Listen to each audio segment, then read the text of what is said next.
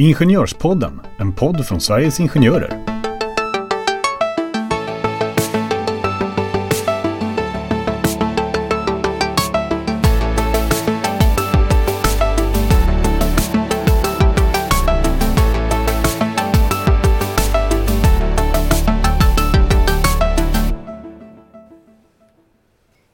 Och välkomna tillbaka till Ingenjörspodden. Eh, idag så ska vi faktiskt uppdatera ett eh, väldigt gammalt avsnitt, nämligen avsnitt 3 som då hette Först in sist ut och även idag kommer heta Först in sist ut. Och med tanke på de nya LAS-reglerna så tänkte vi att det här var ett ypperligt tillfälle att ta upp den här frågan igen och uppdatera avsnittet helt enkelt. Med mig har jag i vanlig ordning eh, min kollega tillika chef faktiskt, eh, enhetschef för avdelningen juridik. Varmt välkommen Magnus Bäckström. Tack Jenny.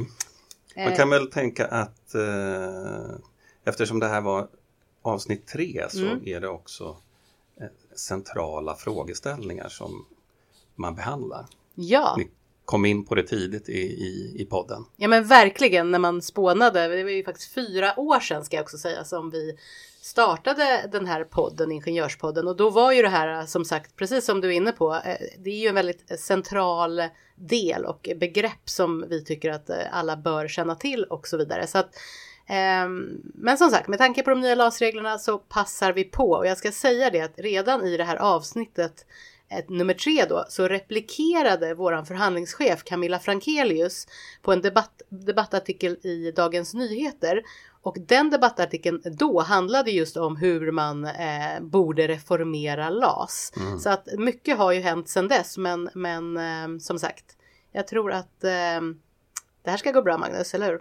Tror jag nog. Mm. Vad pratade ni om i det här avsnitt tre då? Ja, eh, vi pratade om ganska många olika saker, men vi började med att eh, klargöra, för vi tänkte att eh, ni som lyssnar där ute, vi, vi pratar ju om lokal facklig representation ofta. Man är representerad på ett eller annat sätt på arbetsplatsen och då kom jag på att borde vi inte reda lite i de här begreppen för att det finns ju massor av olika typer av namn på den här fackliga representationen. Till exempel eh, på privat sektor, akademikerförening, vi har SACO-S-föreningar, vi har eh, akademikeralliansföreningar och det finns väldigt många olika namn. Eh, men det vi kom fram till och nu eh, i, i podden helt enkelt är att vi ska använda ordet föreningar eftersom det är på olika sektorer och så. Och vad är en förening? Eh, Och en förening eh, kan ju då vara en av de här som vi precis har nämnt, men det är ju en lokal representation på just eh, din arbetsplats där man helt enkelt, ja vad ska man, hur ska man säga, representera? man tänker att det är den lokala arbetstagarparten. Ja, precis. Och då som av en händelse tänkte jag att då kan vi också uppdatera de här eh, olika begreppen med, det är inte egentligen ett nytt begrepp, men det här som vi då har pratat om i de två avsnitten innan det här avsnittet, nämligen avsnitt 67 och 68 där vi just har pratat eh, mycket om eh, i avsnitt 67 pratade vi om nya LAS och i avsnitt 68 om det här nya huvudavtalet som har tecknats mellan Svenskt Näringsliv och PTK. Och då har vi pratat om någonting som hette PTKL och då tänkte jag vi kan väl fräscha upp lite i det här sammanhanget med alla de här olika begreppen. Vad är PTKL i det här? Ja, men då tänker väl jag så här att då, då är vi ju inne i en del här som är just privat tjänstemannamarknad. Eh, och, och, och där finns då PTKL och PTKL står för PTK lokalt. Ehm, och, och eh, det innebär då att PTK-förbunden på en viss arbetsplats går, går ihop och företräder tjänstemanna, tjänstemannakollektivet tillsammans som lokal arbetstagarpart. Eh, och, och det kan de göra i vissa frågor. Och en sån fråga som ofta skulle kunna komma i fråga för ett PTKL är just en arbetsbristsituation. Precis, för att det är ju så att om man tänker sig en akademikerförening då, vi tar det som ett exempel, de kan ju även ehm, ehm, omhänderta individärenden som är för en specifik medlem Mm. i just då akademikerföreningen. När det kommer till PTKL så är väl tanken, nu får du då rätta mig om jag har fel, men där är väl tanken eh, kollektiva Ja. eh, förhandlingar på ett annat. Kollektiva förhandlingar Ja. om till exempel uppsägningar. Precis. Så att det var bara för att få in det här i begreppshanteringen. Och vi skulle kunna prata i säkert 25 minuter bara om alla de här typerna av eh, olika namn på de här föreningarna. Men det som kan vara eh, bra att ha med sig som man eh, sammanfattar det här med är ju att alla de här handlar ju om lokal facklig representation. Mm. Sen finns det olika namn, eh, olika praxis på olika eh, områden. Om det är offentligt eller om det är privat och så vidare. Precis. Ibland säger man ju bara fackklubb också. Ehm, ja, men det som var lite skillnad från de tidigare avsnitten eh, jämfört med de avsnitten som vi kör nu, det är att initialt så hade vi faktiskt tänkt att Ingenjörspodden skulle vara en frågepodd. Mm. Där ni som lyssnar skulle skicka in frågor. Och då i det här avsnittet då hade vi faktiskt fått in en fråga och då tänkte jag att jag ska eh, läsa upp den nu igen och så kan vi eh, beta igenom den men med kanske lite nya fräschare ögon. Mm. Eh, då lät frågan så här. Eh, jag har varit anställd i 16 år på samma företag. Eh, nu ska företaget genomgå en omorganisation. Efter förhandlingar så har jag blivit informerad om att min tjänst kommer att upphöra och att det inte finns någon annan ledig tjänst. Men jag har ju varit anställd längre än de flesta av mina kollegor. Hur är detta möjligt? Ja, Och det eh, tänkte jag du, att du och jag Magnus skulle eh, reda lite i. precis. Eh, och, det första vi kan säga då det är väl att det är möjligt. Det är möjligt, ja Mm. precis. Eh, Eh, och, och då tänker man ju genast, ja men det här med först in sist ut. ja, för nu var han ju uppenbarligen kanske inte sist in. nej jag tror faktiskt att till och med att det var en hon om jag inte minns fel och att hon hette Marie. Okej. Marie var, Nej, men, och, har och då är det länge. ju så att, att eh, och då är vi inne på, på lagens turordningsregler. Mm. Eh, Och, och turordningsreglerna bygger ju på att om du har eh, lång anställningstid så ska du eh, få företräde till fortsatt arbete framför någon som har kortare anställningstid. Mm. Men det är ju inte riktigt hela sanningen eh, eftersom du också måste ha tillräckliga kvalifikationer för fortsatt anställning. Så om din tjänst som i, i sa du att hon hette Marie, Marie. Maries Mm, fall. Eh, om det skulle vara på det sättet att hennes tjänst den kommer inte längre finnas kvar i företaget. Mm. Den positionen som hon har besuttit den försvinner. Mm. Då har hon ju en principiell rätt att överta någon annans tjänst Mm. som har kortare anställningstid än henne. Men hon måste också kunna utföra jobbet Mm. som innefattas i den tjänsten. Mm. Alltså hon måste ha tillräckliga kvalifikationer för just den befattningen. Mm. Och har hon inte det, då kan det ju bli så att man trots den här längre anställningstiden inte Mm. kommer att kunna vara kvar som anställd. Och vad är, för det blir ju liksom eh, knäckfrågan, vad är tillräckliga kvalifikationer? Alltså kan en arbetsgivare, ibland kan man ju få en em, lista på saker som Mm. ska man vill att tjänsten ska innefatta då. Ska man kanske be om befattningsbeskrivning för tjänsten? Hur ska man tänka för att förstå vad tillräckliga kvalifikationer är? Men om man ska sätta upp någon sån här tumregel för vad som utgör tillräckliga kvalifikationer Mm. så kan man säga att det är de allmänna krav som arbetsgivaren ställer på, På en befattningshavare i en nyanställningssituation. Mm. Eh, så någonstans så här, om, om du med ditt CV hade blivit kallad på anställningsintervju för, det här, för den här tjänsten, Mm. ja men då har du sannolikt tillräckliga kvalifikationer för tjänsten. Om man däremot hade sorterat bort dig av ett eller annat skäl och det kan ju vara av skäl att du saknar någon särskild utbildning som företaget vill att man ska ha när man besitter just en sån här tjänst eller att man inte har den erfarenhet som företaget uppställer som ett krav för tjänsten. Ja, då kanske du inte har tillräckliga kvalifikationer.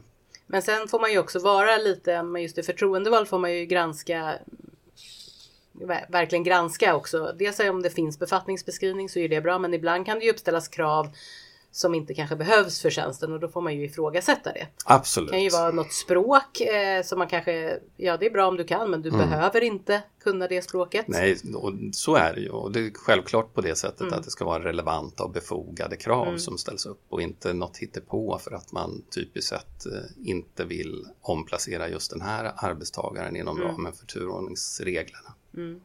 Men vi, vi, nu hoppade vi direkt in på just tillräckliga kvalifikationer. Ja, det gjorde vi. Det gjorde vi och då ska vi kanske ändå nämna att i frågan så stod det ju också då att eh, man har blivit informerad om att tjänsten ska upphöra och det finns inga lediga tjänster, alltså inga Mm. lediga befattningar. För det är ju så, nu går vi lite bakvänt då, vi kanske borde gått igenom först eh, sjunde paragrafen LAS, omplacerings... Eh, alltså att arbetsgivaren måste göra en omplaceringsutredning för innan man Mm. ens hoppar in på eh, i det här fallet att se om Marie hade tillräckliga kvalifikationer för att Mm. överta någon annans tjänst så att säga. Precis. Så ska ju arbetsgivaren göra en sån här omplaceringsutredning där man tittar på just lediga befattningar.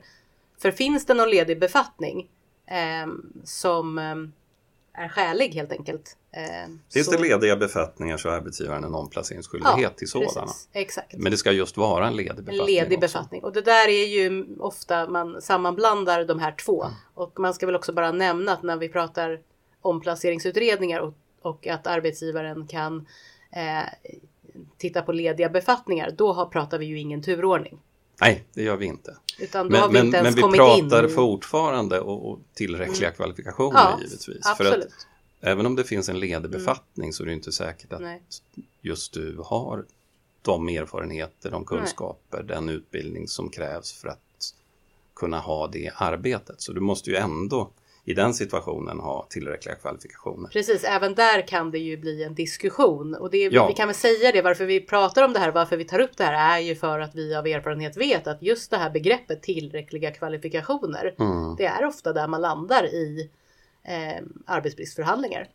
Det är det och, och arbetsgivarens utgångspunkt är ju ofta och, och det kan man väl ha en viss förståelse Mm. för att man vill ha den bäst lämpade eh, i varje position. Men så ser ju inte lagens turordningsregler ut Nej. utan man ska vara tillräckligt lämpad Tillräckligt eller hur man nu ska uttrycka det. Mm. Eh, och då har man rätt att ha kvar en anställning.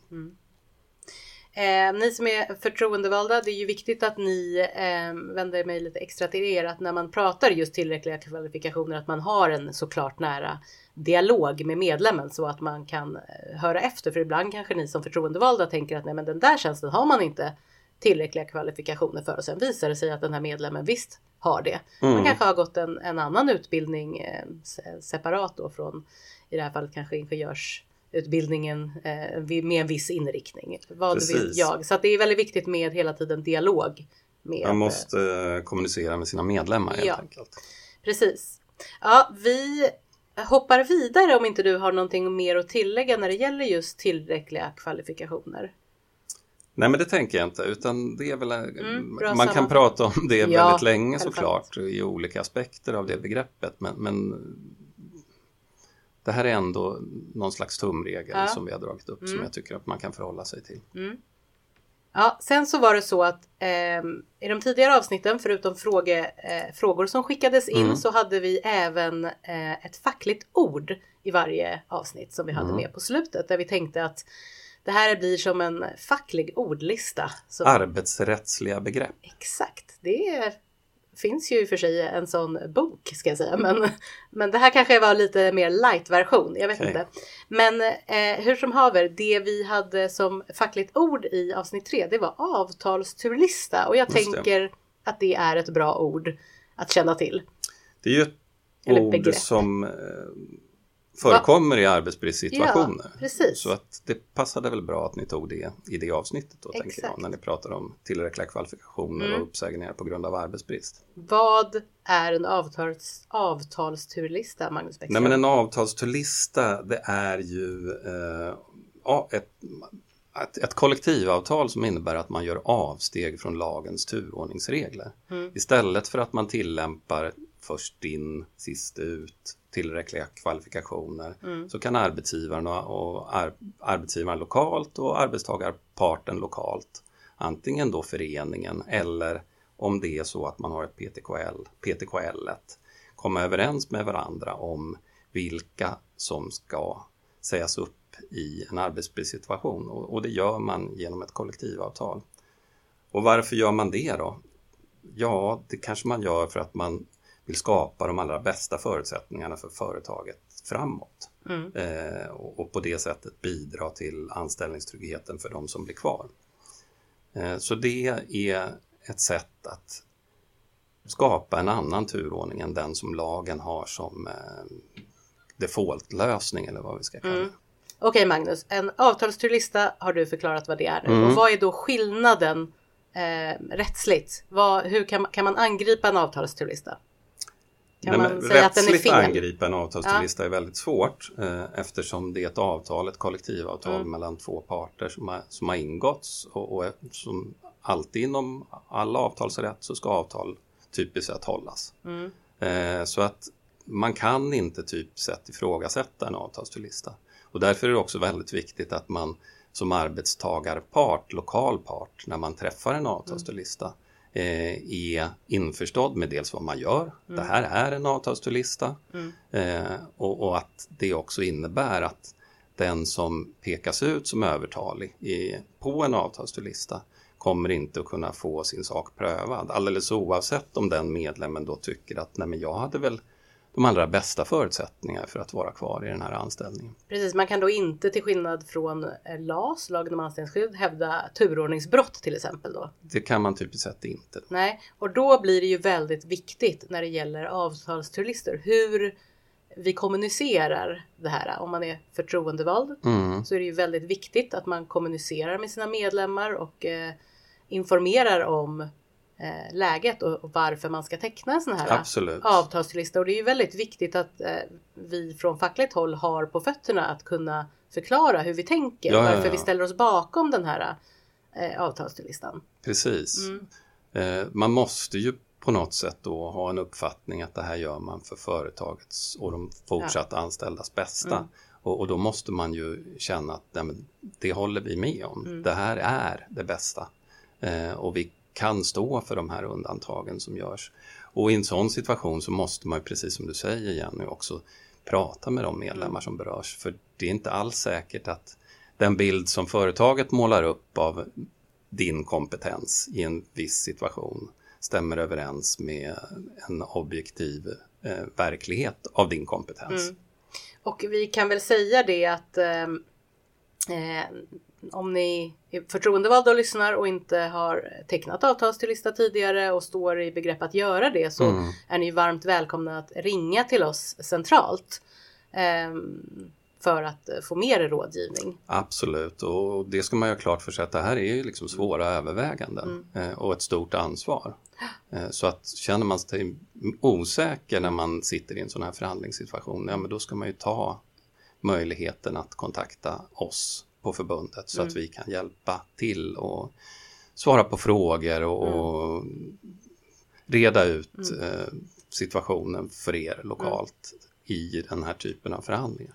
Ja, jag tycker det var bra sammanfattat av ordet avtalsturlista. Jag ska också nämna att Ehm, vi har spelat in ett webbinarium eh, och nu vet jag inte exakt när just det här poddavsnittet kommer att sändas men den 26 oktober så finns det ett webbinarium på våran Play-kanal som handlar just om arbetsbrist och där vi också pratar om, eh, där går vi igenom lite mer grundligt och där vi pratar om avtalsturlista. Så att, Spännande. Eh, det kan ni som är inom privat sektor eh, också lyssna på, för vi pratar om huvudavtalet. Mm. Eh, så det rekommenderar vi. Men Magnus, jag tror att jag känner mig väldigt nöjd med det här uppdaterade avsnittet. Eh, jag vet mm. inte om du eh, vill lägga till någonting?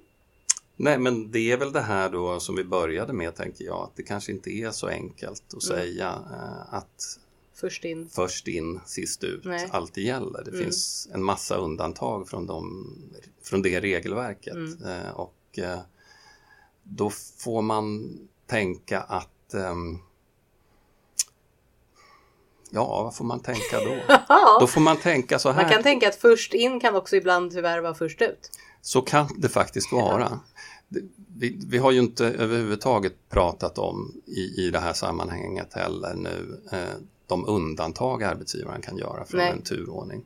Eh, och eh, Jag vet inte om vi ska nämna några ord om det ändå. Nej, men jag tror att vi, vi, det får bli, tänker jag, ett annat avsnitt samt att vi har ju pratat om undantag i både 60, avsnitt 67 och 68. Det har vi gjort, mm. så är man intresserad av det så kanske man ska Ja. lyssna på dem. Sen kanske vi kan ta upp det i ett eh, avsnitt längre fram Mm. igen. Mm. Ja, hörni. Eh, om ni tyckte att det här med frågor var kul, eh, eller kul kanske är fel ord, men intressant och att eh, ja, ni kanske har en egen fråga så får ni ju självfallet gärna skicka in den till ingenjorspodden snabel sverigesingenjörer.se så ska vi se om vi kanske kan ta upp den i något avsnitt. Det gör vi gärna. Ja, men eh, med de slutorden så säger vi tack och hej då. Tack! Hej då! Hej!